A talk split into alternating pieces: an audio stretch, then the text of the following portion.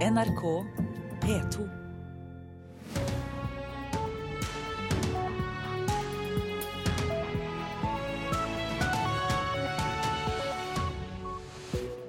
God morgen, velkommen til Nyhetsmorgen tirsdag 23.9. Klokken er 6.30, og dette er hovedsakene våre. USA har gjennomført bombetokt mot hovedsetet til den islamske staten IS nord i Syria i samarbeid med arabiske land. Det opplyser Pentagon. Kina produserer stadig mer utstyr som brukes til tortur og undertrykkelse verden rundt, ifølge Amnesty. Og i flere byer her i landet blir det i dag politisk streik mot regjeringens forslag til ny arbeidsmiljølov. Flere arbeidsgivere er irriterte over streiken. Vi har mange eksempler hvor arbeidsgivere er eh, fortvilt over dårlig og sen eh, melding, ja. Det sa forhandlingsdirektør i NHO Rolf Negård. Programleder i dag er Tor Albert Frøsland. USA og arabiske allierte har startet bombingen av den islamske staten IS i Syria. Det er det amerikanske forsvarsdepartementet Pentagon som bekrefter dette, og angrepet pågår fortsatt. Det er snart to uker siden president Barack Obama ga klarsignal for bombing av IS også i Syria. Angrepene startet altså i natt og skjer med bombefly og Tomahawk-raketter. Det er byen Raqqa, der den islamske staten har sitt hovedkvarter, som er det fremste målet. USAs allierte i angrepet er Saudi-Arabia, De forente arabiske emirater, Jordan, Bahrain og Qatar. Det er uklart hvilke roller de arabiske allierte har i angrepet. TV-selskapet CNN melder at angrepene kommer til å fortsette i dagene fremover, men ikke så intenst som i natt. Foruten byen Raqqa er også et område ved grensen til Irak blitt bombet. Dette skal være et område der opplæring av IS-krigere foregår. Siden første uke i august har USA gjennomført bortimot 200 flyangrep mot den islamske staten i Irak. Dette er første gang IS-mål blir angrepet i Syria.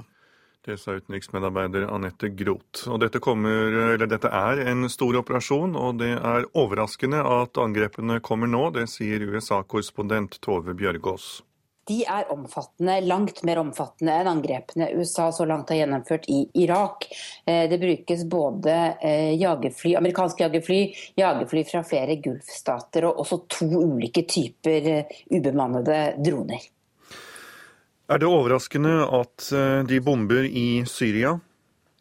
Dette har jo eh, blitt varslet lenge. Obama holdt en tale for ti dager siden der han sa at, eh, at han ønsker å starte bombing i Syria. Kongressen godkjente dette eh, kort tid etterpå. Det er litt overraskende at det skjer allerede nå. Det hvite huset hadde antydet at det kanskje ville ta flere måneder før disse angrepene kom i gang. Men en årsak kan nok være at det er et veldig press på en grenseby mot Tyrkia inne i Syria nå, der eh, kurdere er truet av eh, IS, og at det er det som er grunnen til at man har iverksatt planene kanskje litt tidligere enn det som var eh, den, den eh, opprinnelige planen. Hvem er det USA samarbeider med? Ja, de samarbeider med, ifølge Pentagon, flere Gulfstater, Saudi-Arabia, De forente arabiske emirater og Qatar er også inne i en støtterolle. Og, og, og de er altså de viktigste landene som deltar på, på linje med USA her. Det er sent på kvelden i USA nå, men hvilke reaksjoner har kommet så langt? Det har kommet noen reaksjoner, eh, men de fleste politikere jeg har sett fra både republikanerne og demokratene, sier at dette har de godkjent. Eh, dette eh, har de gitt klarsignal til. Det som kanskje er mer interessant, er at nesten alle utenriksministrene i verden er samlet i New York nå pga. FN-toppmøtet der denne uka. Og den franske utenriksministeren for eksempel, han sa i, i, i, går kveld at, at Frankrike er ikke interessert i å bombe i Syria, de vil holde seg til Irak. Så det spørs om om europeiske allierte vil bli med på den aksjonen. Så langt ser det altså ut til at det er Gulfstater som hjelper USA. Eh, men Bjørgaas, kan denne bombingen nå i Syria på noe vis hjelpe Syrias president Bashar al-Assad? Det er jo det som er det kontroversielle oppi dette. For, for, for, for, det kan jo disse angrepene helt sikkert gjøre. Eh, IS er jo en av, av mange grupper som, som, eh, kjemper mot Assad. Selv om at IS i første rekke kjemper mot, mot, Vesten, så er jo dette en del av opposisjonsbildet i Syria. og Det er jo det som har gjort at USA ikke tidligere har gått inn i Syria. En annen kontroversiell ting, ting her er at det er nettopp Gulfstatene som altså deltar i angrepene. For vi vet at fra flere av de statene som deltar, bl.a. fra Emiratene og fra Saudi-Arabia, så er det kommet masse penger til IS. Altså private eh, aktører fra disse landene skal ha finansiert eh, oppbyggingen av IS veldig kraftig og hjulpet denne terrororganisasjonen til å bli så stor og mektig som den er. Og nå samarbeider altså disse regimene med USA mot IS. Obama-administrasjonen har, har, sagt at de i tillegg til bombingen eh, vil um, bevæpne moderate opprørsgrupper i Syria som kan kjempe på bakken. Når kan vi vente at uh, slikt vil skje? Ja, Saudi-Arabia skal ha sagt ja til å ha et eh, slags eh, opptrening, opptreningsbase på sitt territorium for enkelte grupper. Men det er fortsatt ikke helt klart hvilke grupper det er vi her snakker om. Og dette har jo vært det store diskusjonstemaet hele veien, både innad i Obama-administrasjonen og også ellers. Hvem er det man skal satse på i Syria? Hvilke grupper er det uh, som kan kjempe? Splittelsen har vært så sterk. Uh, så, så her, her, her, dette, dette er, er, noe man fortsatt arbeider med, men Saudi-Arabia skal altså være villig til å, til å låne territorium til en slik base. Nå skal det handle om Kina, som stadig produserer mer utstyr som brukes til tortur og undertrykkelse verden rundt. Dette viser en rapport fra Amnesty. Flere enn 130 kinesiske selskap er med på å produsere og selge slikt utstyr, mot bare 28 for ti år siden. Generalsekretær i Amnesty Norge, Jon Peder Egenes, eh, god morgen. God morgen. Hva er det de produserer? Ja, De produserer mange ting, men, men det vi eh, peker ut som er det åpne, altså det som ikke har noen legitim bruk, det er f.eks. Eh, noe jeg har valgt å kalle piggbatonger. Altså det er batonger slik vi kjenner dem fra, fra, norsk politi, men som i tillegg til å være et slagvåpen har lange pigger på seg. Vi har sett dem i, i hvert fall i to versjoner. En metallversjon hvor det er pigger ned ned langs hele siden på selve slagdelen av batongen. Og det er en plastversjon med et metallhode på toppen som har store pigger som du kan Hvis du ser for deg eh, vekteren i gamle dager, så ja. er det en, en kortversjon av, den, eh, av det slagvåpenet. Så eh, har vi batonger med elektrosjokk, som altså i tillegg til slaget batongen gir, så gir den deg et kraftig støt. Et støt som bare gir deg voldsom smerte det er ikke, ikke, et, uh, ikke et støt som uskadeliggjør deg, som vi kjenner den fra den amerikanske taseren osv., men det er åpenbart bare for å forvolde mer smerte, for å nevne noen ting. Hvorfor er dette problematisk, Egnes? Nei, det er problematisk, for det er bare laget for å forvolde smerte. Det har ingen legitim bruk. Det finnes eh, selvfølgelig en hel del sikkerhetsutstyr, som, som håndjern, til en viss grad fotlenker osv., som er legitime i bruk. Man må passivisere folk så de ikke kan rømme eller skade andre. Mens disse tingene er, eh, burde vært forbudt, burde aldri vært produsert, for de har bare én eneste hensikt, og det er å forvolde smerte. Men hvem, hvem er det som kjøper slikt utstyr som ikke er til legitim bruk, som du sier? Ja, det vi, altså For det første så er det jo i bruk i Kina. Det er jo dessverre utallige historier om mennesker som har blitt torturert med ulike typer elektrosjokkvåpen, f.eks. i Kina. Eh, ellers har vi sett denne, eh, dette pig denne piggbatongen i bruk i Kambodsja, i tillegg til i Tibet, kinesiske politistyrker overfor tibetanske demonstranter. Og vi vet at det er solgt til Nepal og Thailand. I tillegg så uh, legger disse, eller en del av disse kinesiske selskapene ut på sine hjemmesider at de har uh, utstrakt salg til Afrika, og vi har sett en del kinesisk utstyr i uh, Kongo, i Uganda, i Ghana, i Senegal, Egypt og i Madagaskar. Det kan godt være solgt mange andre steder, men i hvert fall de stedene. Hva skal til for å stoppe produksjonen? Egnes Kort? Nei, For det første så må vi nå overbevise kinesere om at disse, disse, rene torturinstrumentene må forbys. Det må gå an å få kinesiske myndigheter inn, inn under samme lover som EU og andre har. Eh, og så må vi presse på for at de heller ikke eksporterer det som kan ha en legitim bruk, til stater som vi vet torturerer og undertrykker befolkningen sin. Takk skal du ha, Jon Peder Egenes. Du er generalsekretær i Amnesty Norge. I flere byer her til lands blir det i dag politisk streik mot regjeringens forslag til ny arbeidsmiljølov. NHO er svært kritisk til gjennomføringen av streiken, og oppfordrer til lønnstrekk for alle som deltar. Forhandlingsdirektør i NHO, Rolf Negård, sier flere arbeidsgivere er irriterte. Vi har mange eksempler hvor arbeidsgivere er eh, fortvilt over dårlig og sen eh, melding, ja. Men hvis det er dårlig å se en melding, er det å regne som skulk? Ja, det kan være skulk. Altså, man kan ikke bare komme samme dag og si at nå har jeg lyst til å gjennomføre en politisk streik. Det skal varsles god tid i forveien. Og har man ikke varslet og sagt for at man skal eh, delta, så kan arbeidsgiver si at dette er eh, ulovlig fravær. Trekk det med lønn, alle som deltar i dagens markering, er oppfordringen fra Næringslivets hovedorganisasjon.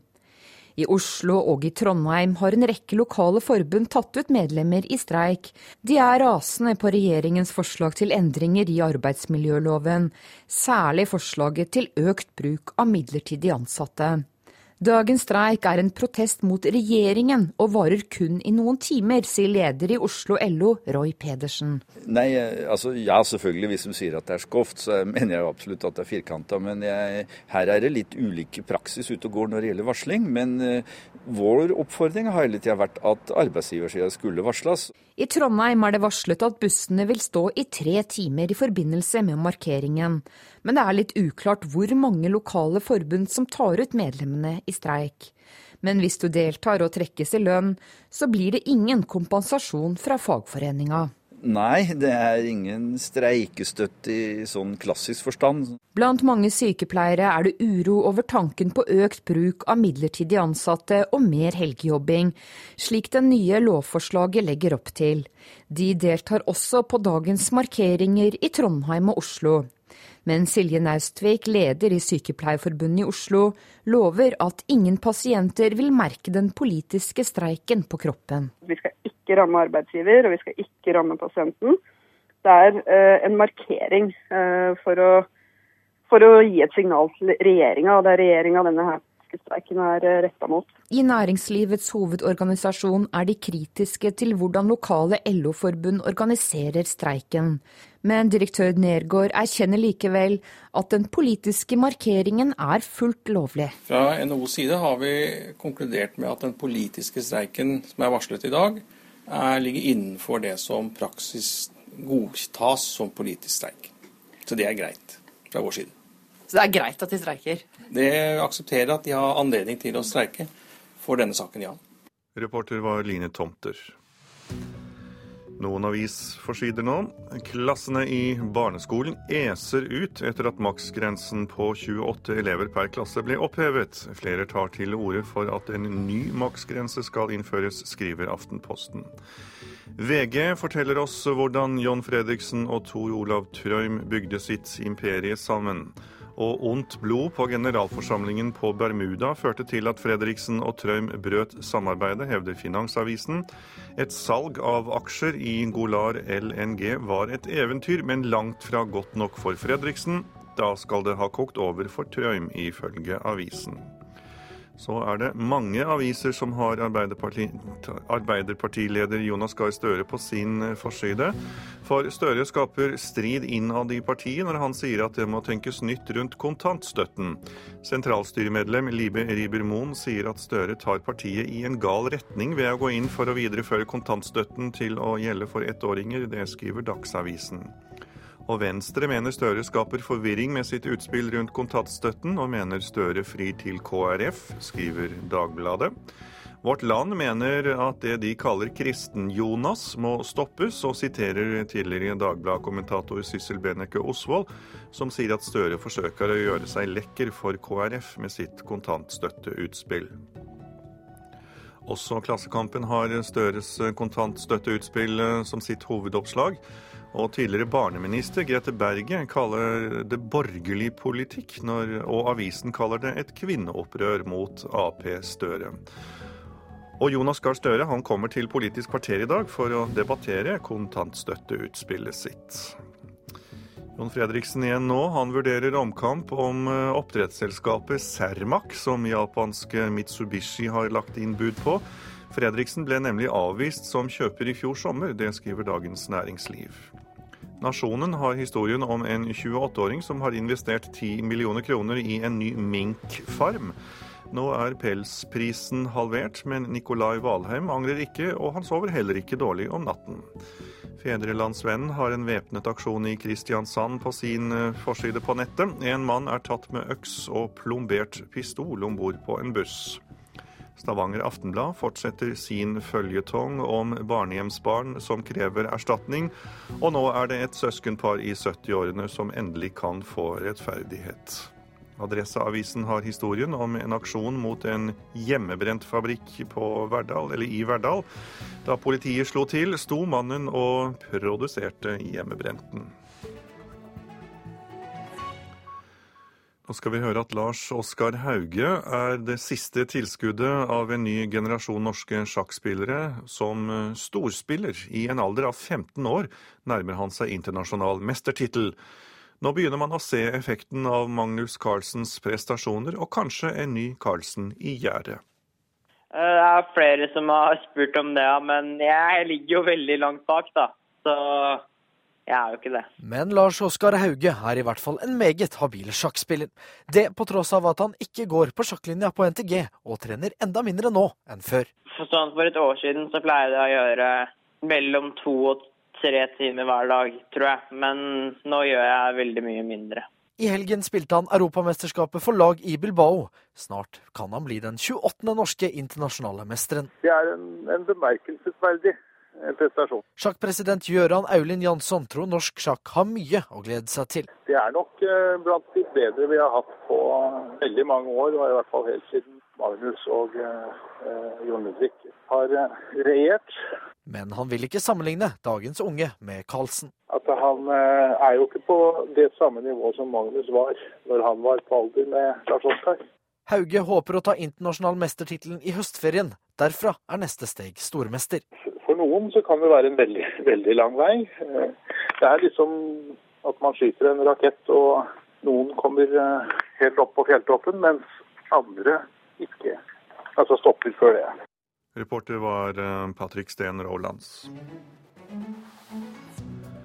Klokken den er 6.47. Nyhetsmorgen i NRK P2 Alltid nyheter hører du på. Hovedsakene. USA har gjennomført bombetokt mot den islamske staten IS i Syria i samarbeid med arabiske land, det opplyser Pentagon. I flere byer blir det i dag politisk streik mot regjeringens forslag til ny arbeidsmiljølov.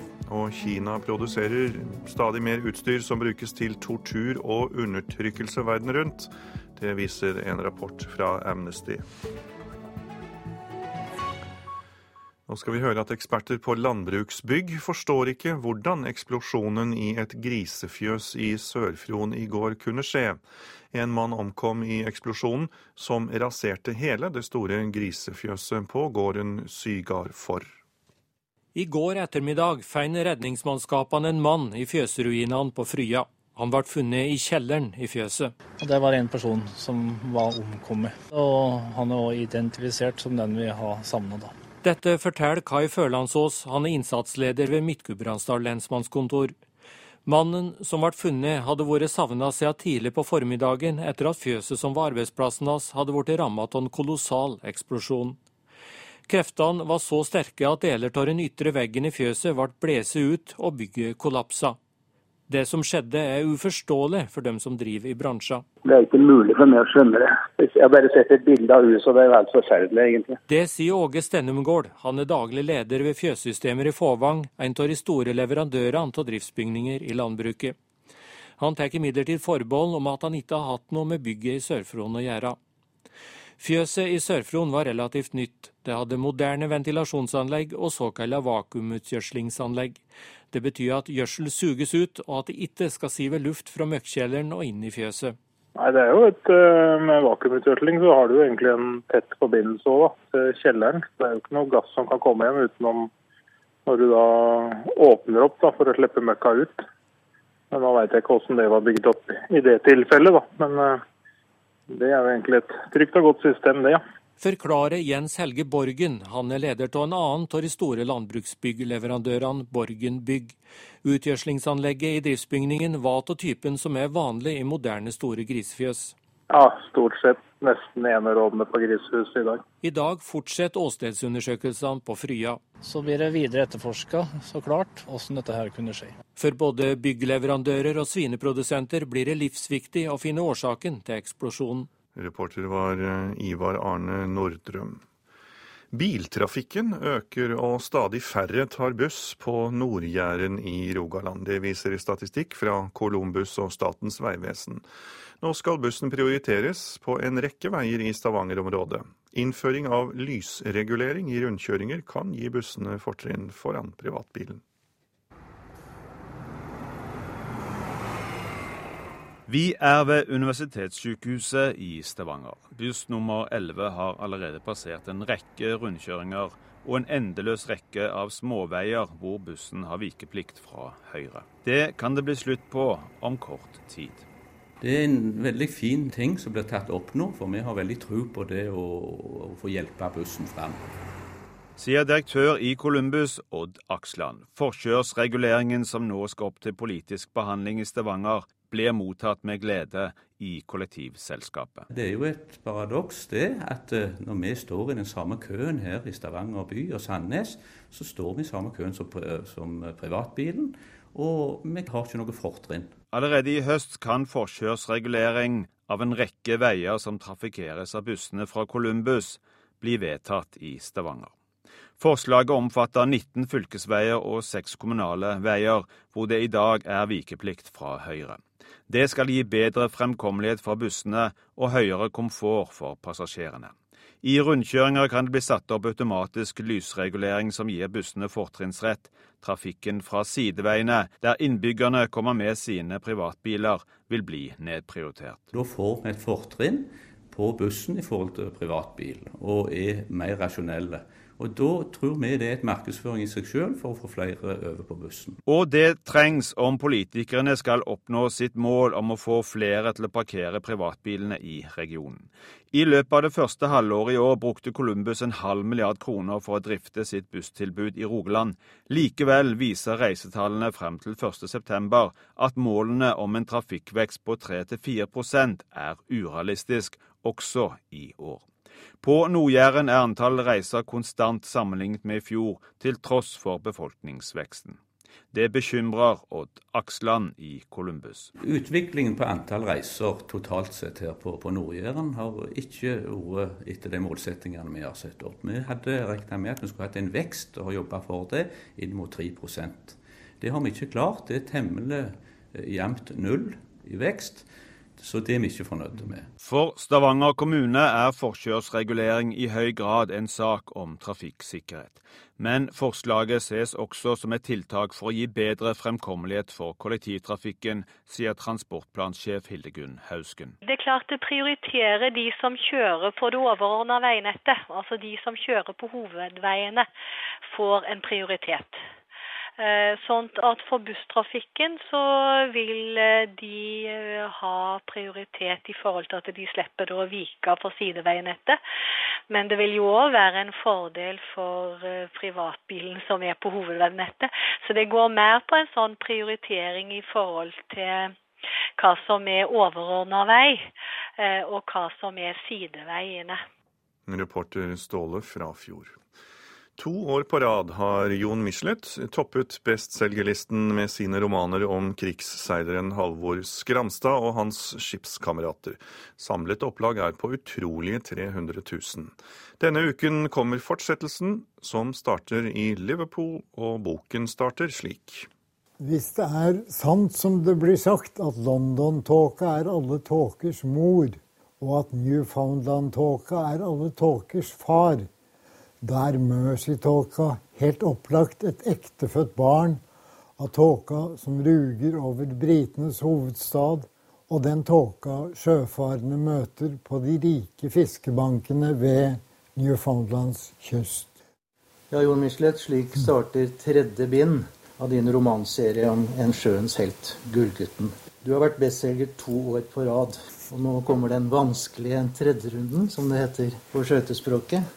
Er du spent? Ja, nå er jo ikke dette en 1500 meter, der blir en 5000 meter med fem bind. Men jeg har nok ikke råd til å hvile i tredjerunden, så jeg kjører på i denne boka med alt jeg har. I forordet skriver du at dette er et diktverk. Ja. Men det er jo også mye autentisk her, og mye som er sannsynlig. Jeg prøver jo å skrive realistisk og ligge så tett på virkeligheten til sjøs som det er mulig for en som ikke opplevde krigen på havet. Kan du gi et lynkort resymé av bind 1 og 2? Det er altså 1400 sider. Bind 1 handler om stykkgodsbåten Tomar og Halvors debut som sjømann i stor oversjøisk fart til, eh, til det fjerne Østen. Og så ned til Australia og videre. Og ender da med en dramatisk hendelse ved Island. Så kommer han om bord i bind to i bensintankeren Iberia, og den går i fart i konvoiene med bensinlast fra Amerika til Storbritannia. Nå er det bind tre. Hvordan skiller det seg fra de to første? Det som vel mest skiller denne fra de foregående, er at 1941 er et så utrolig avgjørende år for krigen. Hitlers angrep på Sovjetunionen i juni og Japans bombing av Pearl Harbor i desember 1941. Og så avsluttes denne bind tre med noe veldig få nordmenn vet noe om, og det er den voldsomme tyske ubåtoffensiven på USAs østkyst etter at Tyskland hadde erklært USA krig. Tittelen din er 'Gullgutten'. Ja. Det ligger litt ironi i det kanskje også? Ja, og det å bli sett på som gullgutt om bord, det er ikke bare positivt. Så tenker Halvor i situasjonen hvor han virkelig mener han har gjort noe håpløst og fælt.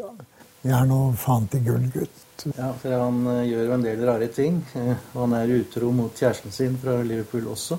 Ja, fytti rakkeren, men da angrer han. Ja, akkurat, ja. Men det er en fin kjærlighetshistorie, da. Det, ja. det skal du ha kreditt for. Takk, takk for det. Jeg har nettopp uh, lest ferdig boka di. Ja. Uh, og hvis jeg skal oppsummere mitt inntrykk Dette er en odyssé. Ja. En slags verdensomseiling på havet. Mm. Så du, du, fletter jo inn veldig mye kunnskap da? Ja da, nå har jeg hatt den store ære av å bli parodiert i Knut Nærums nye bok fra høsten som heter Æ. Hvor han har en tosiders parodi på min sjøroman som er litt sånn overlessa med helt merkelige fakta. da. Og, og, da, når man blir parodiert av Nærum, da har man virkelig oppnådd noe i sitt arbeid. Og Det var reporter Jørn Enger som hadde møtt Jon Michelet. Så skal vi ha værvarselet for i dag. Fjellet i Sør-Norge skiftende bris til skyene. Fra i ettermiddag litt regn av og til. Snø over 1200 til 1400 meter. Østland og Telemark skiftende bris, skyet eller delvis skyet oppholdsvær. Fra i ettermiddag utrygt for litt regn av og til. Agder skiftende bris, skyet eller delvis skyet. Fra i formiddag litt regn, først i vest. Rogaland og Hordaland økning til sørlig frisk bris på kysten. Litt regn, først i ytre strøk. I kveld nordvest bris og enkelte regnbyger. Sogn og Fjordane økning til sørlig liten kuling på kysten. Litt regn, først i ytre strøk. I kveld skiftende bris og enkelte regnbyger. Møre og Romsdal økning til sørlig frisk bris utsatte steder. Tilskyende fra sent i formiddag litt regn, først på Sunnmøre. I kveld blir det sørvest bris og enkelte regnbyger. Trøndelag sørøst frisk bris utsatte steder, stort sett pent vær. I ettermiddag tilskyende, i kveld litt regn i sør. Nordland får østlig bris og pent vær. Troms får skiftende bris, i kveld østlig opp til frisk bris. Tidlig på dagen enkelte regnbyger og sluddbyger i ytre strøk og i nord, ellers opphold og en del sol. Finnmark nordøstlig bris, av og til frisk bris i kyststrøkene. I kveld dreiende østlig.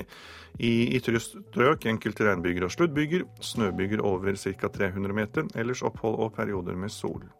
Nordensjøland på Spitsbergen. Sørlig frisk bris. Periodevis liten kuling på kysten. Enkelt regn eller sluddbyger i vest. Ellers oppholdsvær. Og da er det morgentemperaturer som ble målt klokken fem. Svalbard lufthavn to grader. Kirkenes tre. Vardø fem. Alta én. Tromsø-Langnes minus én. Bodø to. Brønnøysund fem. Trondheim-Værnes én. Molde 5, Bergen-Flesland 8, Stavanger 9, Kristiansand-Kjevik 4, Gardermoen 2, Lillehammer 1, Røros minus 1, og Blindern i Oslo hadde 4 grader klokken 5 i dag tidlig.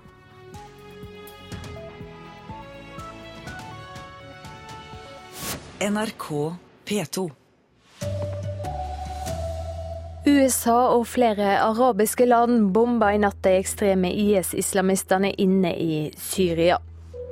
Og flere tusen vil få ebola hver uke dersom det ikke blir satt inn drastiske tiltak, advarer WHO.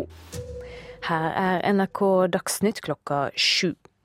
USA og arabiske allierte starta i natt bombinga av den islamske staten IS inne i Syria. Det stadfesta det amerikanske forsvarsdepartementet. Det er byen Raqqa, der den islamske staten har sitt hovedkvarter, som er det fremste målet. USAs allierte i angrepet er Saudi-Arabia, De forente arabiske emirater, Jordan, Bahrain og Qatar. TV-selskapet CNN melder at angrepene kommer til å fortsette i dagene fremover, men ikke så intenst som i natt. Foruten byen Raqqa er også et område ved grensen til Irak blitt bombet. Dette skal være et område der opplæring av IS-krigere foregår. Siden første uke i august har USA gjennomført bortimot 200 flyangrep mot den islamske staten i Irak.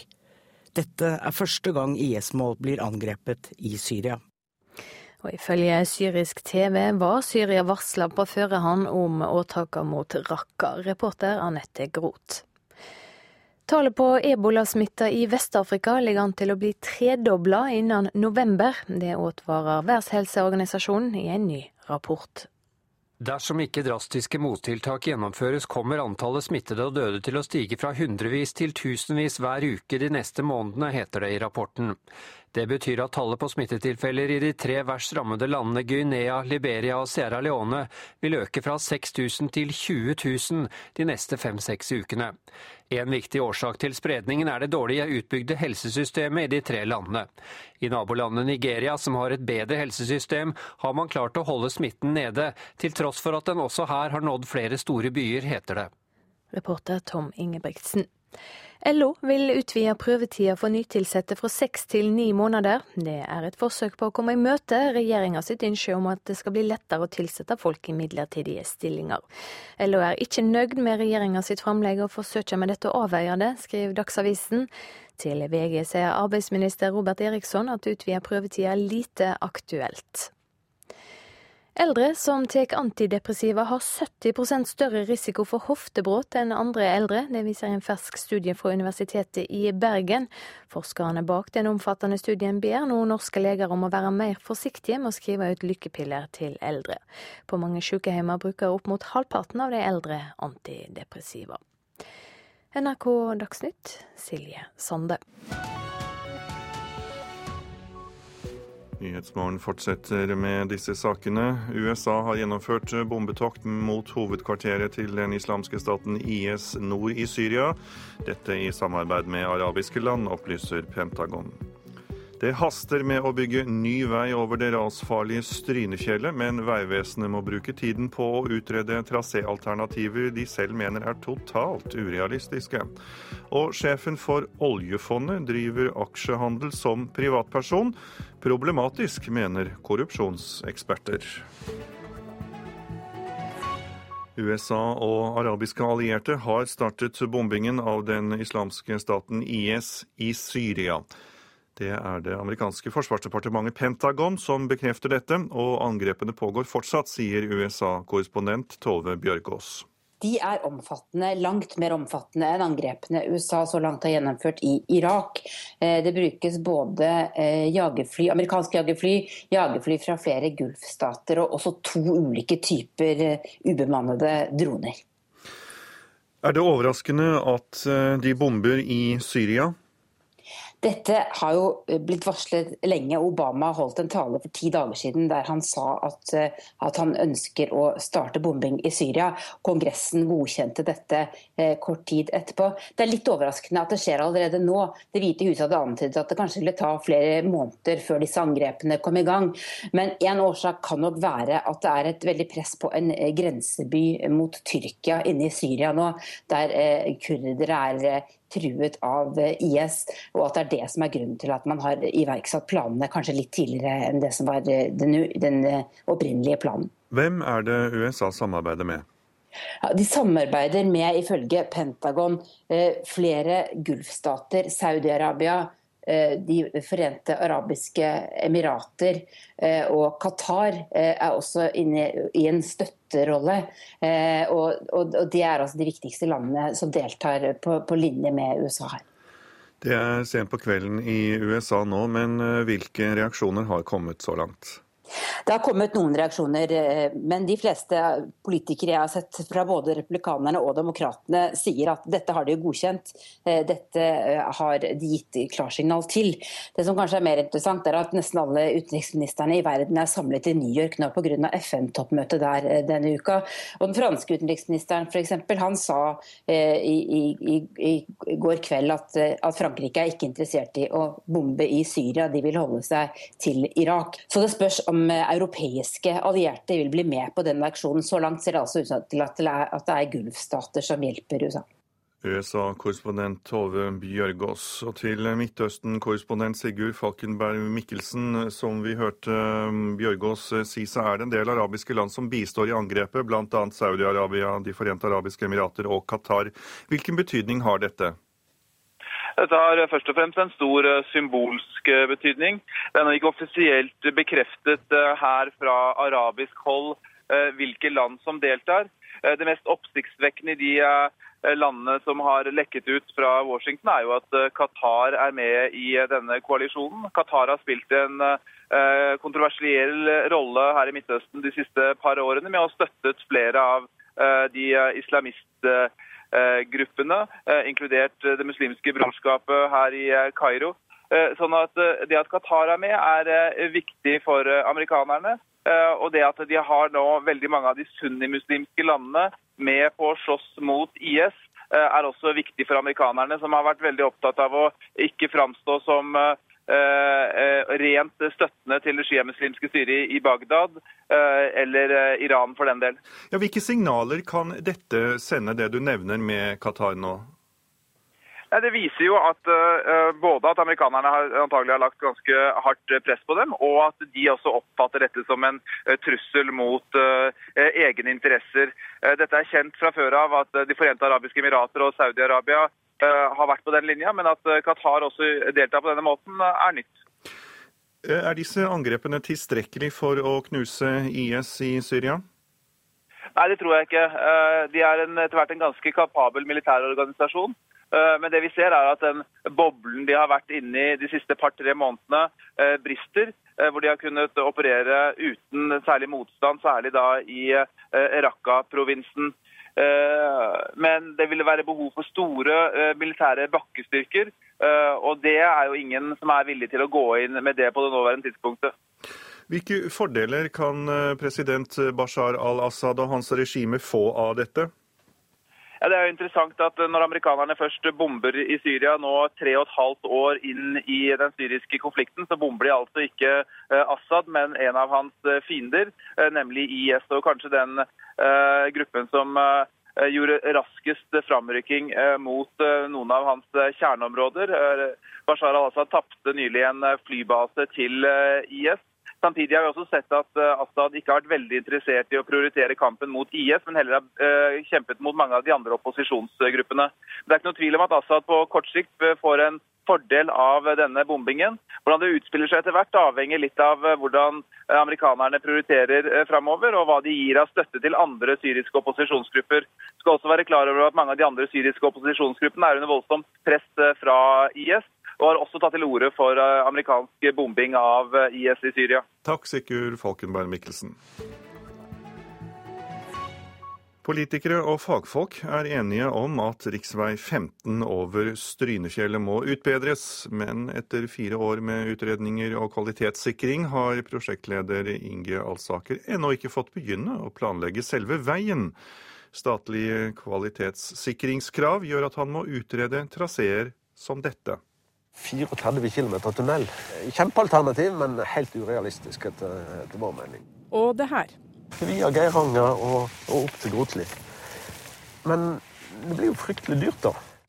Altså Hvis vi uh, har tenkt å bygge noe, så, så er det jo en, en, voldsom tidsbruk da, for å komme fram til at vi kanskje skal begynne å planlegge.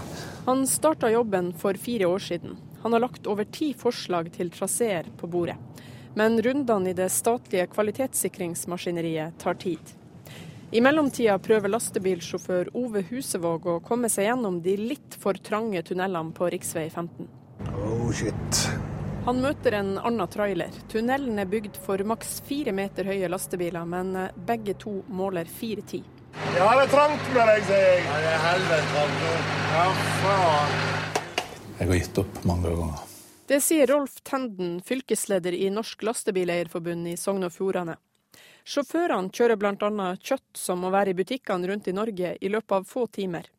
Det trange nåløyet over Strynefjellet er en konstant bekymring for sjåførene. Tenden mener prosessen med å få bedre vei er langdryg. Det går for seint. Alt går for seint, altså. Det kan hende det gikk eh, seint før òg, men føltes det ikke sånn. Men i dag er det sånn at alle prosjekter over 750 millioner skal gjennom kvalitetssikringsmaskineriet. Og da må Alsaker i Vegvesenet utrede alternativer. Til sjuende og sist er det jo politikerne som skal bestemme dette. Og de skal ha framlagt et, et bredt utvalg med, med alternativ. Strynefjellsveien det er vel et prosjekt på en milliard eller, eller mer. Eh, og da tar det litt tid å både planlegge og sjekke at planleggingen er gjort god nok. Det sier statssekretær i Finansdepartementet Jon Gunnar Pedersen. Men han åpner for at kvalitetssikringa kan gjøres enklere. I de tilfellene der det ikke er noen alternativer, så trenger man ikke ha full kvalitetssikringsprosess. Man må finne ut hva det koster, for det må holdes under kontroll. Men det å utrede masse alternativer bare for å lage alternativer, det er ikke noe vits. Både Jernbaneverket og Statens vegvesen stiller spørsmål ved dagens regler for kvalitetssikring. Vegvesenet påpeker at prosessen er svært dyr, mens Jernbaneverket viser til at en del av de eksterne konsulentene som skal sjekke kvaliteten, mangler bl.a. transportfaglig kompetanse. Prosjektleder Ivar Alsaker er kritisk til at alle prosjekter over 750 millioner må inn i den samme kverna. Det er mye med metodikken som er ganske godt. Men det blir litt å skyte spor med kanon og bruke det på denne type prosjekt, altså. Det haster å få utbedra veien over Strynefjell. Hvis veien ikke utbedres innen 2019, kan rv. 15 bli stengt. Enn så lenge balanserer Ove Husevåg seg frem med sin litt for høye bil. Da gikk det bra den gangen òg. det er bare å rulle resten til Oslo. Du får mer om denne saken i Brennpunkt på NRK1 klokken 21.30 i kveld. Reporter Eva Marie Bullai. Og jeg har med meg ordfører i Stryn, Sven Flo fra Høyre. Og hvordan vil du beskrive denne veien over Strynefjellet? God morgen. Ja, nei, den eh, er eh, bygd i 1978 og har jo gått ut på dato egentlig for lenge siden. Altså, vi, vi har jo store problemer i forhold til eh, tunnelens beskaffenhet. Altså, han er jo lav, som det kommer fram i reportasjen, og han er smal. Eh, slik at Han matcher jo ikke dagens eh, store kjøretøy. I tillegg så har vi jo også eh, problemer med, med ras. Både det at det går ras og veien blir stengt pga. det, men også at veien stenges pga. fare for ras. Og så har vi problemstillinger i, i Breidalen med bl.a.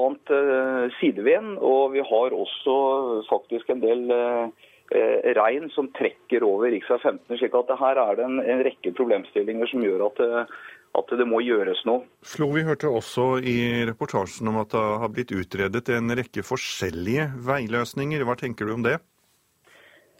Ja, Det som er eh, litt utfordrende sett fra vårt ståsted, er jo at eh, det som nå ligger i, i KVU-en, det er vi stort sett alle enige om.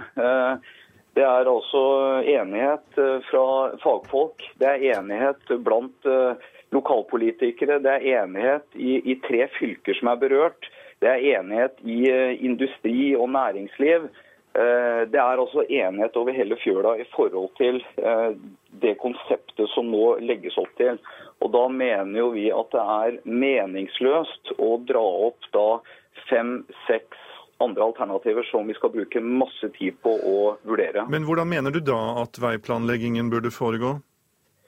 Nei, Jeg tenker at uh, den uh, må i hvert fall gjøres enklere. Og jeg tenker også at der hvor faginstansene er så tydelige på løsningene, uh, så ser jeg også ikke noe stort poeng at dette skal gjennom en, en omfattende offentlig kvern.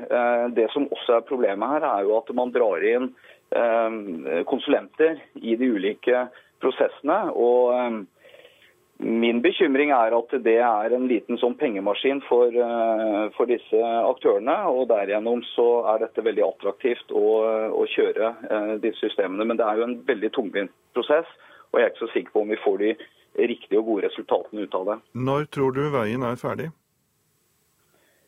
Ja, Den uh, bør jo være ferdig så raskt som mulig. Som uh, det kom fram i reportasjen, er vi veldig bekymra for uh, 2019. og at det blir stengt tunnelen over, over, fjellet. Dette er jo også vår livsnerve. Og vi har såpass mye industri og næringsliv på denne sida av fjella som er helt avhengig av denne veien her. Så jeg har ikke noe tidspunkt, men den må komme relativt kjapt. Takk skal du ha, ordfører i Stryn, Sven Flo. Klokken den er 7.15. Du lytter til Nyhetsmorgen. Dette er hovedsakene våre. Sjefen for oljefondet driver aksjehandel som privatperson. Problematisk, mener korrupsjonseksperter. USA har gjennomført bombetokt mot den islamske staten IS i Syria, i samarbeid med arabiske land, opplyser Pentagon. Og som vi hørte, det haster med å bygge ny vei over det rasfarlige Strynefjellet, men Vegvesenet må bruke tiden på å utrede traséalternativer de selv mener er totalt urealistiske. Sjefen for oljefondet driver aksjehandel som privatperson. Problematisk, mener korrupsjonseksperter. Oljefondet vil ikke si hvor Yngve Slyngstad mener, unnskyld, eier aksjer, men NRK vet at han har investert i bl.a. flyselskapet Norwegian. Jeg syns eh, en sjef for oljefondet bør ha en holdning som innebærer at han ikke driver aksjehandel privat. Sier professor ved Handelshøyskolen BI Peter Gottschalk. 51 år gamle Yngve Slyngstad er sjef for et av verdens største statlige investeringsfond. Oljefondet har i dag en verdi på over svimlende 5500 milliarder kroner. Fondet investerer kun i utlandet og har kjøpt aksjer i flyselskaper som SAS og Ryanair. Men samtidig som Slyngstad leder fondet, har han selv eierinteresser i et annet flyselskap, nemlig Norwegian. Her har Slyngstad over 600 000 av sine egne sparekroner. Det vekker mistanke om at eh, han kan eh, tjene på oljefondets handel Eh, av aksjer, også privat, og det er uheldig i en så betrodd stilling. Yngve Slyngstad vil ikke selv uttale seg om saken, men kommunikasjonssjef i oljefondet Thomas Sevang sier hans aksjehandel er helt uproblematisk, og viser til at alle ansatte er underlagt omfattende retningslinjer for kjøp og salg av aksjer. Hovedstyret i Norges Bank har bestemt at det er lov å drive med egenhandel, og det er Egenhandel blir rapportert eh, to ganger i måneden eh, til Norges Bank, og Finanstilsynet har innsyn i dette. Og utover det så anser jeg det som personlige opplysninger. Forstår du at enkelte oppfatter dette som problematisk? Vi er for langsiktig sparing, og mener aksjesparing er en naturlig spareform. Den muligheten vil vi ikke avskjære våre ansatte for. Men det er ikke godt nok, mener forsker Tina Søreide ved Universitetet i Bergen. Hun mener det er et problem at vi ikke får vite hvor mye aksjer Slyngstad eier. Det syns jeg er noe som kan svekke tilliten til forvaltningen av, av, oljefondet. Fordi det er veldig viktig å vite hva en person som, er, eh, som har så stor innflytelse eh, kan bli påvirket av, og da er jo særlig de personlige interessene veldig viktige. En annen professor ved BI, Tore Bråten, mener det er uproblematisk at sjefen for oljefondet som privatperson kjøper aksjer, så lenge han holder seg innenfor retningslinjene. Eh, aksjehandel er i seg selv veldig strengt eh, lovregulert. Og som privatperson så forutsetter jeg at han ikke da vil kunne investere slik at det vil kunne påvirke oljefondets investering. Reporter var Veronica Westrin, og her i studio har Nils Henrik von der Fehr eh, kommet. Du er professor i samfunnsøkonomi ved Universitetet i Oslo. Hva mener du om at eh, oljefondsjefen investerer sine egne sparepenger i selskaper som Norwegian? Det er vel ikke tvil om at vi er inne i en gråsone her. Jeg synes det er vanskelig å si at uh, det åpenbart er feil, slik som enkelte har gitt uttrykk for. Men uh, i og med at det kan reises mistanke om hvorvidt det er en sammenblanding av eh, personlige interesser og fondets interesser, så er jo det i seg selv uheldig. Ja, Er det det som er det problematiske her, denne sammenblandingen du er inne på? Og hvorfor er det eventuelt problematisk?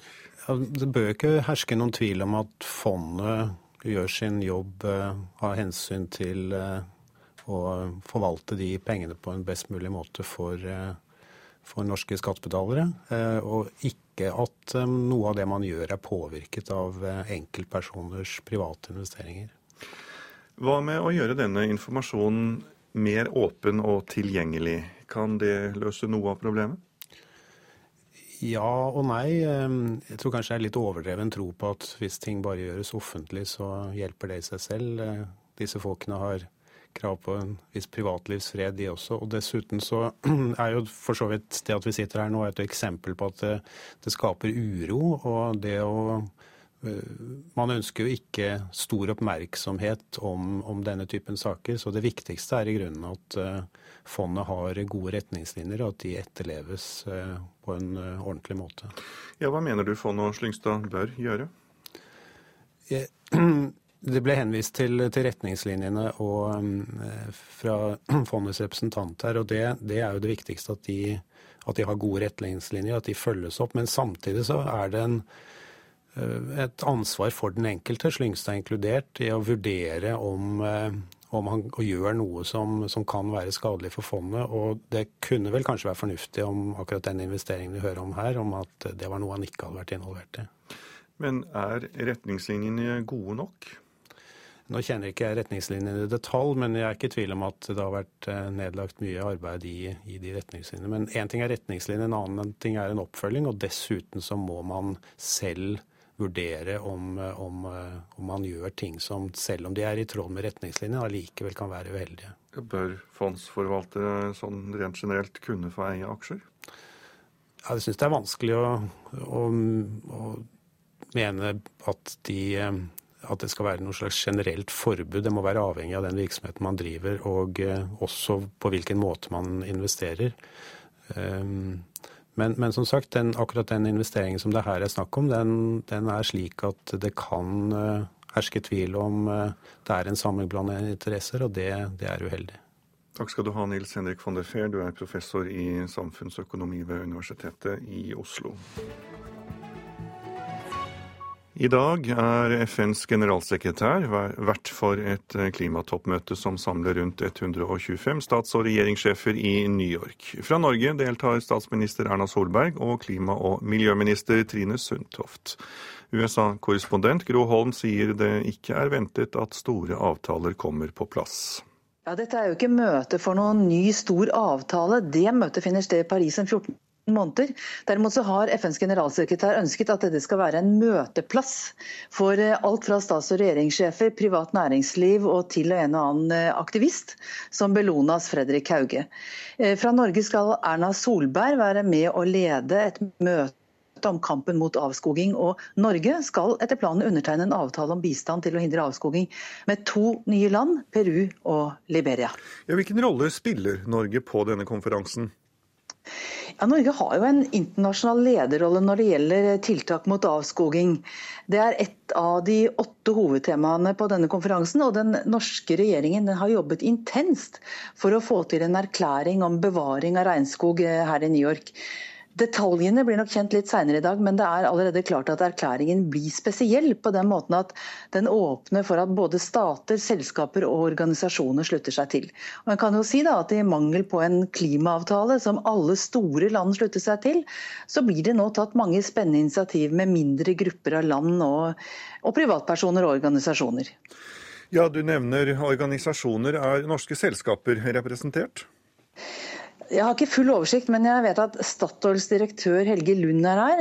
Han skal delta på et møte eh, med flere oljeselskaper. og Statoil kommer sammen med fire-fem andre oljeprodusenter til å forplikte seg til å redusere utslipp av metan, som jo er en viktig bidragsyter til eh, til klimagasser. Og Så er kunstgjødselprodusenten Yara her, og de skal inngå i en ny global allianse for matsikkerhet og jordbruk. Og Du nevner dette med klimagasser. Hva med USA i så henseende, for de er jo et av de landene i verden som slipper ut mest klimagasser? Ja, jeg tror de er de nest verste, og det skyldes ikke minst eh, landets kullindustri. Obama kommer på møte i dag, og han er villig til å gå lenger enn sine egne folkevalgte. Han innførte, innførte bl.a. Eh, gjennom en presidentforordning i sommer omfattende regulering av utslippene fra nettopp kull. Eh, Obama forsøker nok å omgå Kongressen ved å få til avtaler som er politisk, men ikke juridisk bindende. Men som skal presse da, både selskaper og land til å kutte utslipp. Og Verdensbanken kommer med en liste senere i dag eh, som ifølge lekkasjene går ut på at 73 land og 1000 selskaper eh, støtter en global pris på karbonutslipp. Dvs. Si, her er det snakk om initiativ uten at USA har forpliktet seg til Kyoto-avtalen eller noen annen avtale. Da skal vi titte litt på det som eh, står på forsiden av noen aviser. Klassene i barneskolen eser ut etter at maksgrensen på 28 elever per klasse ble opphevet. Flere tar til orde for at en ny maksgrense skal innføres, skriver Aftenposten. VG forteller oss hvordan Jon Fredriksen og Tor Olav Trøim bygde sitt imperium sammen, og ondt blod på generalforsamlingen på Bermuda førte til at Fredriksen og Trøim brøt samarbeidet, hevder Finansavisen. Et salg av aksjer i Golar LNG var et eventyr, men langt fra godt nok for Fredriksen, og da skal det ha kokt over for Trøim, ifølge avisen. Arbeiderpartileder Jonas Gahr Støre er på flere forsider, for han skaper strid innad i partiet når han sier at det må tenkes nytt rundt kontantstøtten. Sentralstyremedlem Libe Riiber-Moen sier at Støre tar partiet i en gal retning ved å gå inn for å videreføre kontantstøtten til å gjelde for ettåringer. Det skriver Dagsavisen. Og Venstre mener Støre skaper forvirring med sitt utspill rundt kontantstøtten, og mener Støre frir til KrF, skriver Dagbladet. Vårt Land mener at eh, det de kaller kristen-Jonas må stoppes, og siterer tidligere Dagblad-kommentator Sissel Benneke Osvold, som sier at Støre forsøker å gjøre seg lekker for KrF med sitt utspill. Og Klassekampen har også Støres kontantstøtteutspill sin, som sitt hovedoppslag. Tidligere barneminister eh, Grete Berget kaller det borgerlig politikk, og avisen kaller det et kvinneopprør mot Ap-Støre. Og Jonas Gahr Støre han kommer til eh, Politisk eh, kvarter i dag for å debattere utspillet sitt. Jon Fredriksen vurderer omkamp om oppdrettsselskapet Cermaq, som japanske Mitsubishi har lagt inn bud på. Fredriksen ble nemlig avvist som kjøper i fjor sommer, skriver Dagens Næringsliv. Stavanger Aftenblad fortsetter sin føljetong om barnehjemsbarn som krever erstatning, og nå er det et søskenpar i 70-årene som endelig kan få rettferdighet. Nordlys forteller om Bodil som må sove med hørselvern etter at borettslaget rev støyskjermingen. I rushtiden må lar hun vaskemaskinen gå ved innfartsåren til Tromsø. Eldre som tar antidepressiva har 70 større risiko for hoftebrudd enn andre eldre. Det viser en studie fra Universitetet i Bergen. Forskerne bak den omfattende studien ber nå norske leger om å være mer forsiktig med å skrive ut lykkepiller til eldre. Det å brekke hoften det er eh, rett og slett en katastrofe for den det gjelder. Hvert eneste år rammes 9000 nordmenn av hoftebrudd. Det er særlig eldre mennesker som får hoftebrudd, forteller lege og forsker Marit Stordal Bakken. Man trenger ganghjelpemiddel, krykke, rullator, kanskje til og med rullestol. En god del klarer seg ikke hjemme lenger etter bruddet, og det er også en god del som dør tidligere enn det ellers blir gjort. I seks år har hun forsket på sammenhengen mellom bruk av antidepressiva og hoftebrudd. Resultatene er oppsiktsvekkende. Bakken og hennes kollegaer har gjennom sin forskning kommet frem til at eldre som bruker antidepressiva, har betydelig større risiko for å få hoftebrudd enn andre eldre. Det ser ut til at disse medisinene eh, også påvirker beinvev på en, totalt sett på en negativ måte, som gjør at man øker risiko for brudd når man først faller. Hvor mye mer utsatt er man for hoftebrudd eh, ved bruk av antidepressiva? Det ligger rundt eh, 70% høyere enn uten bruk. Det er en så vanlig medisin skrevet ut på sykehjem det er opp i halvparten av de som er på sykehjem som står på det. Kristian Jansen er sykehjemslege i Samnanger. Han mener at for mange eldre går på antidepressiva for lenge. Jeg tror ikke at det der er i pannebrasken til eh, de fleste sykehjemsleger og folk flest. Forsker Marit Stordal Bakken ber nå norske leger om å være mer tilbakeholden med å skrive ut antidepressiver til eldre. Vi må bruke medisiner med vett, at vi forskriver til de som eh, virkelig har god grunn for å bruke. Reporter var Kaspar Knutsen. Og etter um, Dagsnytt så skal du bl.a. få høre at norske bedrifter i Brasil er spent på resultatet av valget i landet om ti uker. Og i Politisk kvarter kommer Jonas Gahr Støre for å diskutere sitt kontantstøtteutspill.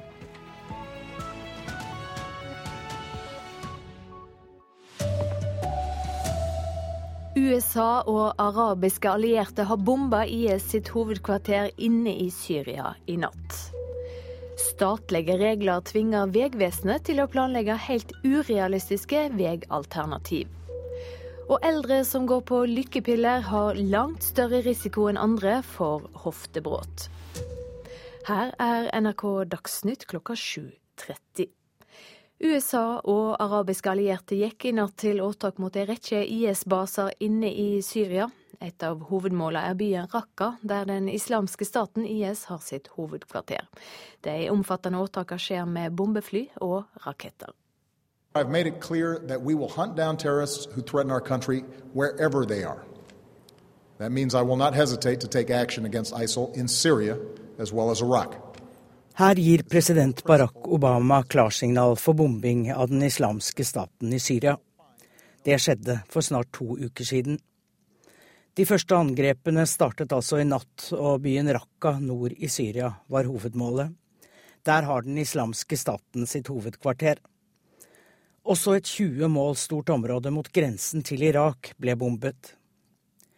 USAs allierte i angrepet er Saudi-Arabia, De forente arabiske emirater, Jordan, Bahrain og Qatar.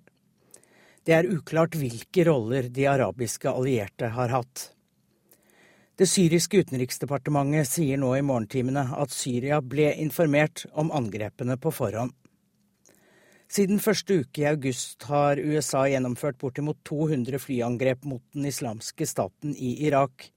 Men dette er første gang IS-mål blir angrepet i Syria. Reporter Anette Groth.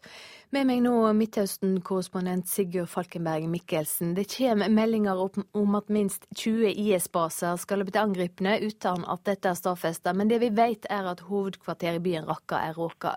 Hva betyr det? Dette er jo et mye større militært angrep mot IS enn det vi har sett eh, i, eh, i Irak. Uh, amerikanerne går med dette rett inn i den syriske konflikten etter uh, tre og et halvt år uh, med konflikt i Syria. Men de bomber altså ikke Assad, men en av hans fiender, nemlig IS. Og Det er altså med ganske kraftige militære angrep de nå bomber i Raqqa-provinsen, og også i grenseområdene til Irak. Så er det slik at fem arabiske land er sammen med USA i dette åtaket. Hvorfor det? Det har vært viktig for amerikanerne å få med seg arabiske allierte, ikke stå alene om eh, dette. Det har først og fremst en eh, symbolsk betydning. Eh, og det er også da de sunnimuslimske, militært sett mest kapable landene som deltar.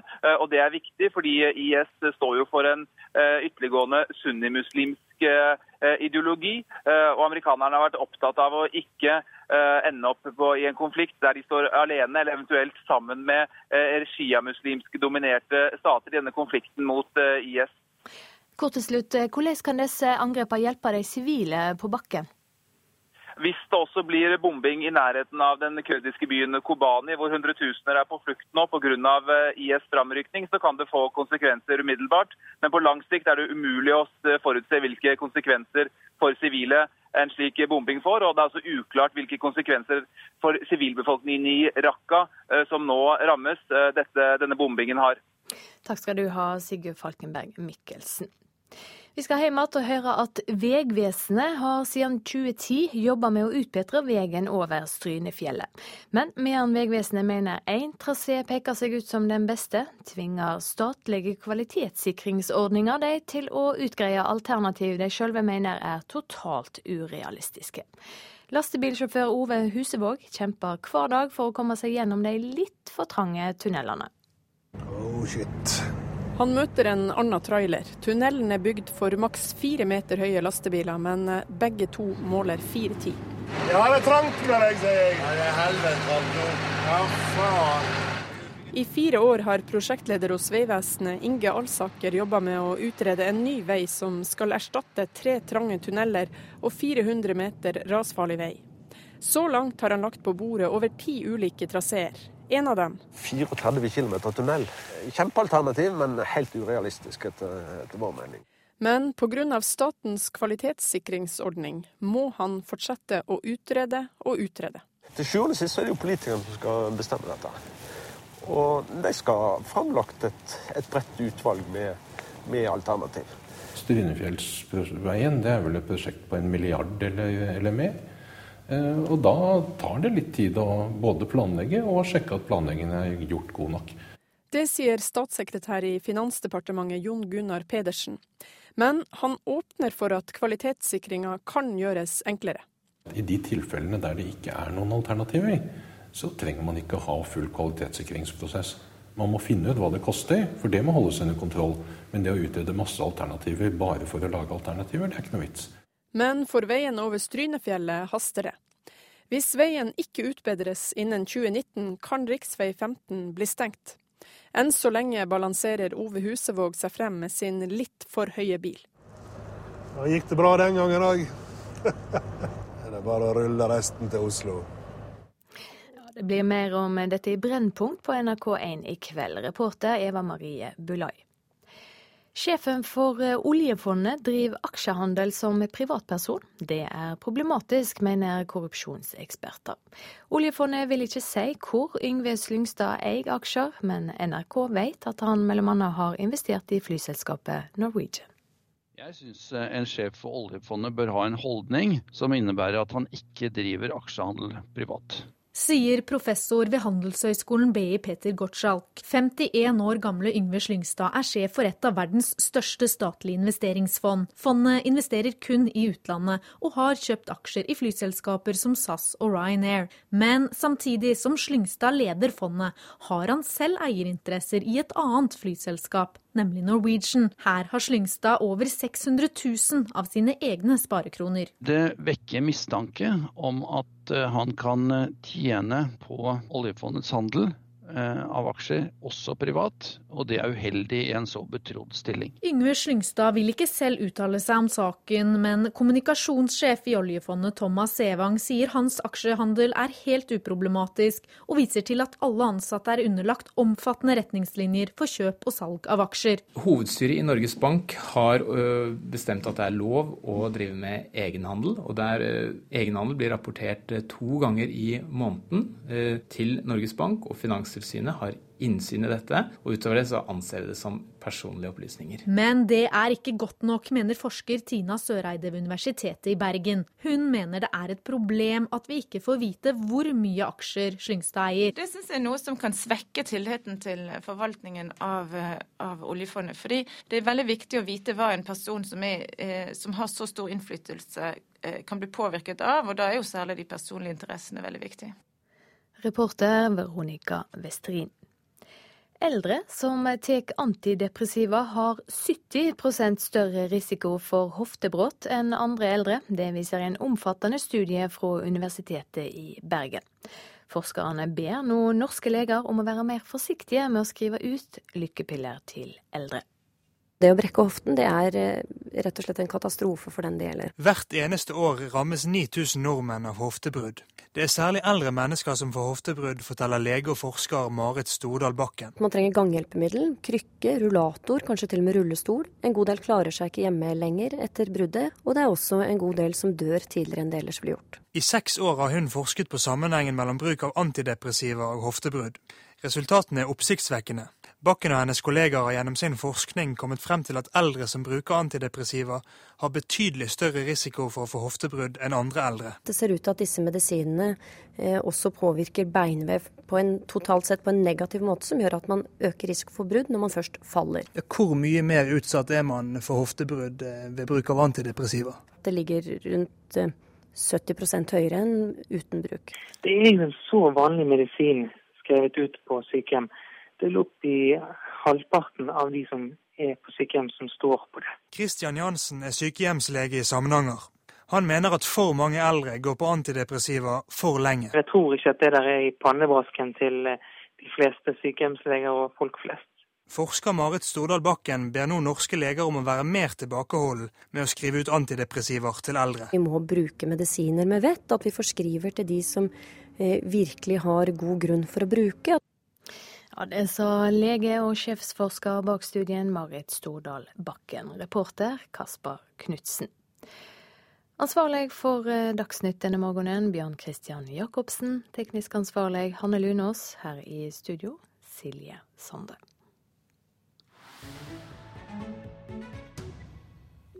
Og her i Nyhetsmorgen skal vi til Brasil, som går til valg om to uker. Og det er ikke bare 200 millioner brasilianere som venter i spenning på utfallet. Norske bedrifter har investert enorme summer i Brasil, og de håper på et maktskifte.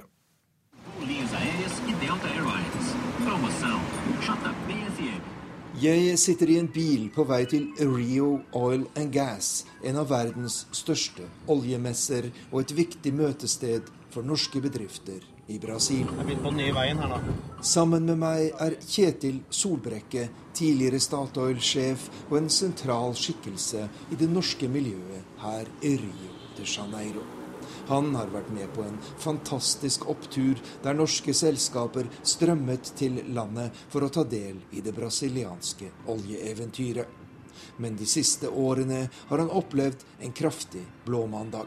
Stemningen i bransjen her i Rio er dårligere enn jeg noen gang har opplevd, sier han. Det vi ønsker oss i næringslivet, er vel en regjering som, som tar industrien på alvor, og som vil ønske å, å, skape økonomisk vekst, som jeg også jo personlig tror er riktig i forhold til å få mer muskler til å drive sosial politikk. Vi har jo sett i fire år at selv om det har vært mange gode intensjoner fra den eksisterende regjeringen, så har ting stoppet opp. Og sånn sett så tror jeg nok mange er av den oppfatning at det kan ikke bli så mye verre. Det er ikke noe lett land å være i, men det er det godt klart Vi er fremme på oljemessa, og når Kjetil Solbrekke møter kolleger, er det problemene med å drive forretning i Brasil som er det store temaet. Hele 150 norske bedrifter med Statoil i spissen har etablert seg her i landet, og de samlede investeringene er på over 150 milliarder kroner. Brasil er viktig for Norge, og brasilianerne ønsker norsk teknologi og kompetanse, men mange norske forretningsfolk opplever nå landet som et byråkratisk galehus. Man skal nå måtte innføre, altså legge til rette for rullestolbrukere på, på offshoreskip, som jo er så tullete at det går nesten ikke an å begynne å argumentere seriøst imot det. Ekstrem detaljstyring fra myndighetene, meningsløse regler og en stadig tøffere beskatning. Det er noe av kritikken fra norske forretningsfolk her i Brasil.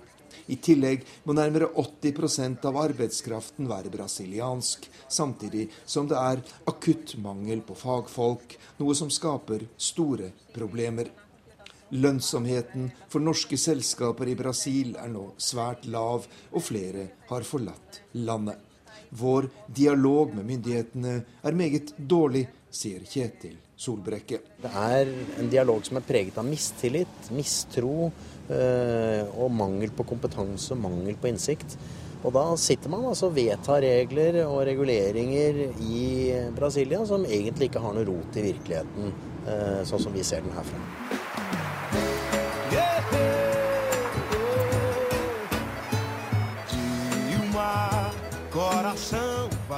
Misnøyen retter seg i første rekke mot Dilma Rousef, landets president de siste fire årene, og kandidat for det radikale Arbeiderpartiet ved valget om to uker. Hennes parti har stått for en sosialpolitikk som har brakt mer enn 30 millioner brasilianere ut av fattigdommen det siste drøye tiåret. Men nå er økonomien i krise, skattebyrden blir stadig tyngre for middelklassen, og næringslivet mener det er helt nødvendig med et maktskifte. Det sa kollega Arnt Stefansen, som følger valget i Brasil. Klokken den er 7.44. Nyhetsmorgen har du radioen din på, og her er hovedsakene våre denne tirsdagen. USA har gjennomført bombetokt mot hovedkvarteret til den islamske staten IS nord i Syria. Dette i samarbeid med arabiske land, opplyser Pentagon. Sjefen for oljefondet driver aksjehandel som privatperson. Dette er problematisk, mener korrupsjonseksperter. Og så haster det med å bygge ny vei over det rasfarlige Strynefjellet. Men Vegvesenet må bruke tiden på å utrede traséalternativer de selv mener er totalt urealistiske. Nå skal du straks få Politisk kvarter, og programleder i dag, det er Håvard Grønli.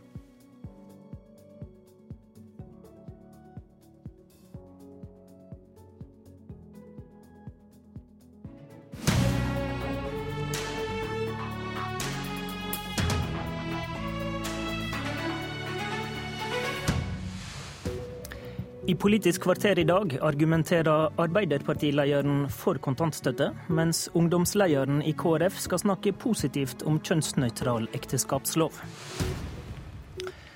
Velkommen til ei sending der ting er snudd litt på hodet. Men eh, hvis du er en sånn som liker at ting er på sin vante plass, så er det trøst å finne. Begge to får nemlig også motstand fra vanlig hold. God morgen, Arbeiderpartileder Jonas Gahr Støre. Riktig god morgen. Arbeiderpartiet er på glid og kan komme til å skrinlegge krigen mot kontantstøtte for ettåringer. Slik blir du tolka etter at du sa til Aps kvinnenettverk at det er på tide å tenke nytt. Og det utspillet har også gitt deg fire avisforsider i dag. Ja, eh, jeg kan jo prøve å sette tingene på plass, jeg også. Eh, for dette er en viktig debatt. Jeg mener jo at spørsmålet om kontantstøtten er etter min mening langt på vei eh, vunnet, eh, avgjort i norsk politisk debatt. Og den temaet kom, så var det jo snakk om at du skulle kunne velge, staten skulle betale for at du ikke valgte barnehager opp til skolealder nesten. Eh, det har det ikke vært. Det har vært toåringer, opp til toåringer. Det avviklet vår regjering. Denne regjeringen gjeninnførte det ved å kutte i barnehager. Og vårt mål er helt klart. Det er barnehageplass til alle fra ett år og to barnehageopptak. Og da viser det seg at de aller, aller fleste foreldre velger det. Men så kan vi ikke elske og hate en ordning så mye at vi ikke ser hva skjer med familier med barn på ett år. Og jeg ble, Da jeg ble leder i Arbeiderpartiet, så sa jeg at jeg tror det er veldig viktig å gå inn og forstå den utfordringen småbarnfamiliene står i i dag. Lytte til dem, reise rundt, forstå hva det er. Og for de aller fleste som sagt, så er det riktig å velge barnehageplass, en god, billig og høy kvalitet barnehageplass ved ett år. Men for en del er det ikke riktig å begynne ved ett år. Det kan være noen måneder der som er ganske viktig å kunne vente. I dag for å få barnehageplass, da får du kontantstøtte, det har også vi vært for. Men den dagen det er komplett tilbud, og det er et lite stykke igjen fordi denne regjeringen har valgt feil kurs, så mener jeg vi må kunne se på ordninger, sa jeg til Kvinnenettverket, som hjelper og bistår familien i den fasen. Og jeg mener at det er spennende i norsk politikk nå. Eh, jeg har gitt ros til Kristelig Folkeparti som sier at la oss nå sette toåring kontantstøtte til side for å bruke de pengene på to barnehageopptak. Og da sier jeg at vi fra Arbeiderpartiet vi bør kunne se hva er viktig for foreldre med barn på ett år. Og de har jeg tenkt å lytte til, og jeg mener at vi har et samfunnsansvar faktisk for å kunne stille opp for dem og kunne gi tilbud øh, om ikke bare barnehage i de første månedene etter at foreldrepermisjonen er over. Ap vil avvikle kontantstøtten i neste stortingsperiode, sier partiprogrammet ditt. Ja, vil står... du endre det punktet? Nei, altså vi får se når vi kommer til nytt landsmøte. Jeg har ikke noe tatt til orde for å endre det. og jeg har vært for det. Vi hadde altså kontantstøtte for ettåringer Men det er stor forskjell på å avvikle kontantstøtte og det du skildrer nå? Jo, men kanskje er det det, men jeg sier at vi må finne ordninger. Eh, så jeg har ikke sagt at det er liksom kontantstøtten som er det eneste type svar. Det kan være ulike typer ordninger. Men vi har altså regjert i åtte år og hatt kontantstøtte for ettåringer. Det er fordi barnehageplasser har manglet. Den dagen det kommer fulle barnehageplasser, gode barnehageplasser for alle barn når det er ett år, så viser det seg at de fleste velger det. Denne regjeringen trodde jo at færre ville velge barnehageplass når du fikk to år kontantstøtte. Mm. Det viser seg ikke være tilfellet. Men vi kan ikke slutte debatten om hva som er god familiepolitikk der. Og jeg lytter til de som sier at uh, for noen så er det så hektisk og krevende for både kvinne og mann når barnet er ett år, at det å kunne vente et halvt år kanskje er riktig. Og det mener jeg vi skal uh, åpne for å finne politikk for.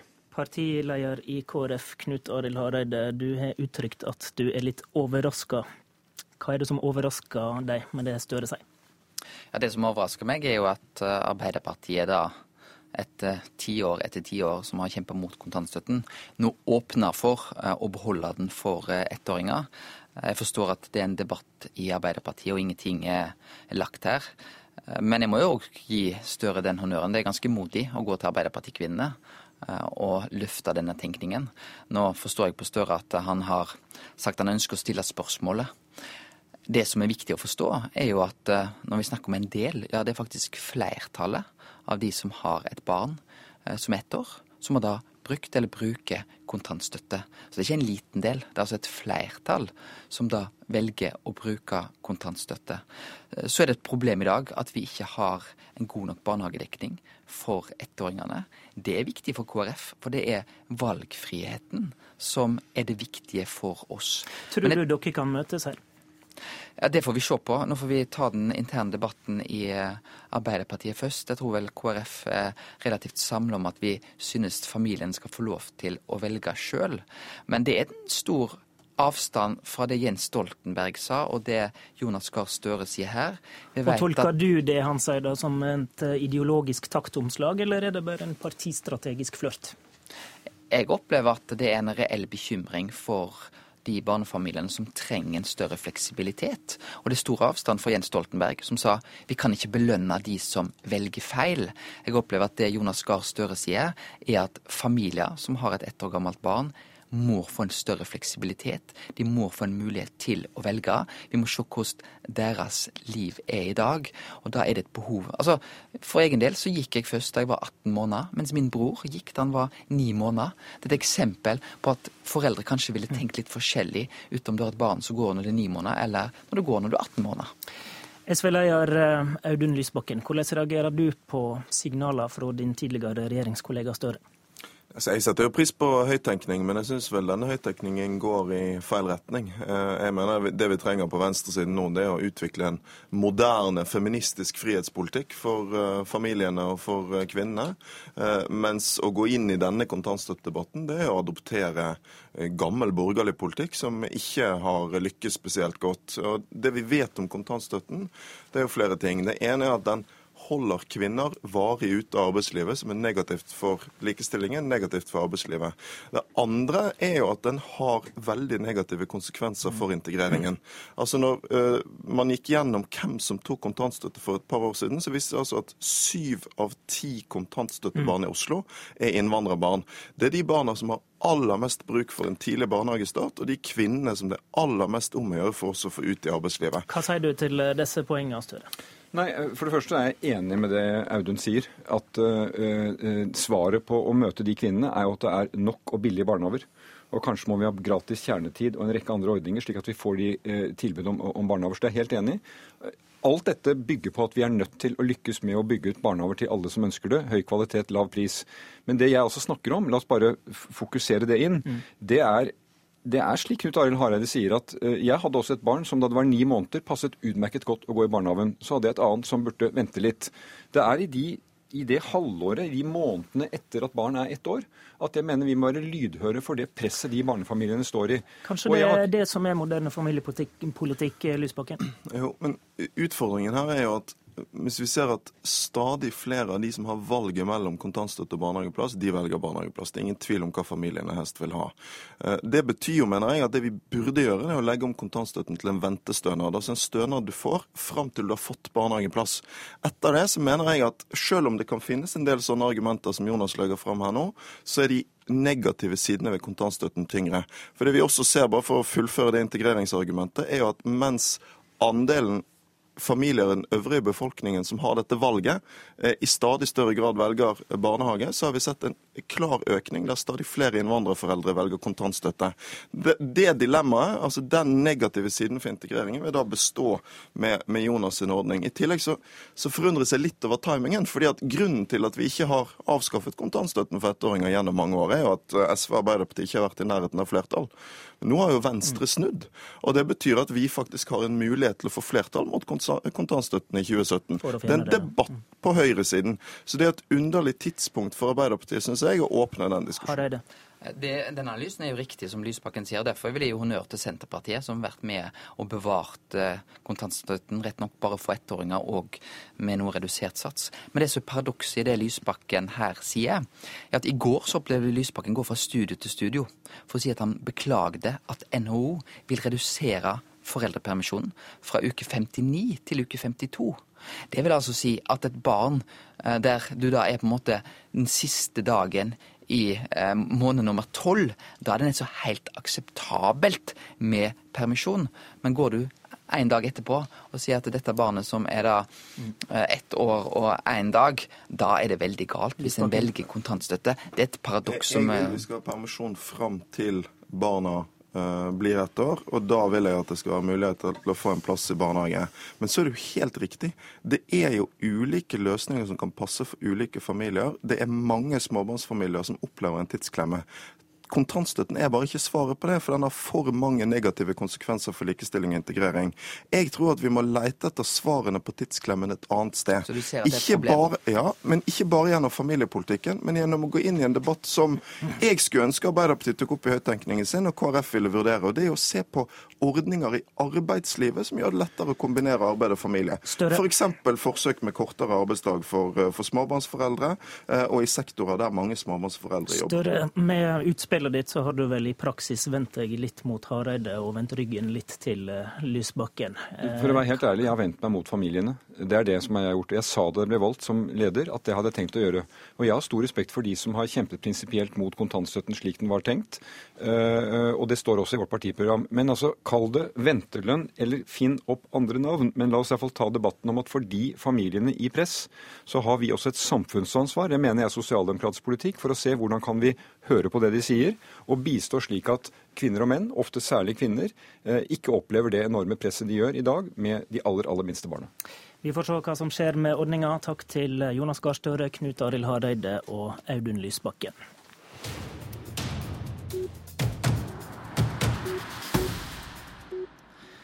Vi skal holde oss til eh, kjernespørsmål i KrF-landskapet. KrFs ungdomsparti er på linje med moderpartiet og har en programformulering som sier at ekteskapslova skal bygge på prinsippet om at barn har rett til en far og en mor.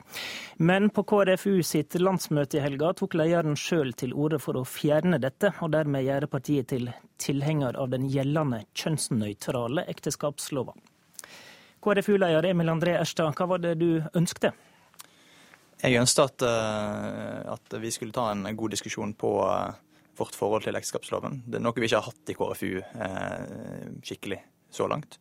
og Jeg gikk ut i januar og sa at jeg, jeg mente at vi burde fjerne de formuleringene vi hadde i programmet, fordi jeg trodde, vi, hvis vi gjorde det, at vi ville oppdatere vår familiepolitikk og få en mer moderne familiepolitikk. Og, og det mener jeg jo fortsatt. Eh, og jeg er uenig i det vedtaket som ble gjort. Men... Så For det ble dramatisk på landsmøtet i helga. Fortell hva som skjedde. Ja, der, der ble det jo eh, en blank stemme som avgjorde spørsmålet.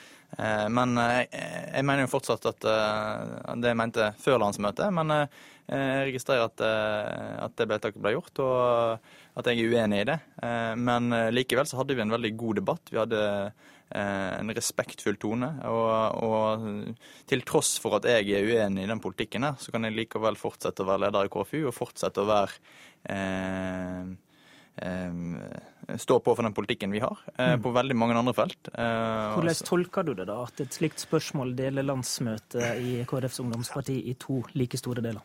Det er ingen hemmelighet at dette har vært ulike syn på denne saken her i KrFU i, i mange år, og, og heller ikke i, heller også i KrF. Eh, og For min del så er ikke det noen overraskelse. Eh, og Det var derfor jeg ville at vi skulle ta den debatten. For at, eh, for at vi kunne få fram i lyset at det var ulike syn i saken. Men hvorfor skal du bruke din posisjon på å gå til krig mot, mot en slik verdisymbolsak som er viktig for store deler av KrFs grunnfjell? Altså, jeg tror denne saken her er, er som du sier, er en symbolsak. Og den symbolsaken ville landsmøtet ha, og det må jeg respektere. Eh, samtidig så, så, er det så mange andre saker i, i vårt program er, der KrFU har en, eh, en, relevant stemme og en avgjørende stemme. I fattigdomsspørsmål, i spørsmål om å få oljefondet til å investere i fattige land, i hvordan vi skal behandle de fattige familiene i Norge og, og ta imot flere flyktninger. Og Det er der jeg mener vi må legge inn fokus. Jeg tror, eh, jeg tror det er der Og det opplevde jeg også landsmøtet i helga var, sa en, en samla marsjordre på. Eh, og så var det en uenighet på den saken her. Til slutt, Betyr det vedtaket at da er denne saken om å endre KrFUs og KrFs eh, ekteskapspolitikk er den lagt død? Jeg vil overraske meg hvis den saken ikke kommer opp igjen. Eh, og jeg tror det, det dette sier, er at det er ulike syn både i KrFU og KrF. Og det vil overraske meg hvis den saken ikke kommer opp igjen på landsmøtet senere. Takk til KrFU-leder Emil André Erstad. Politisk kvarter i dag var ved Håvard Grønli. Husk at eh, du kan høre sendinga også i Alltid nyheter klokka 10.40 hvis du er av de som står opp seint.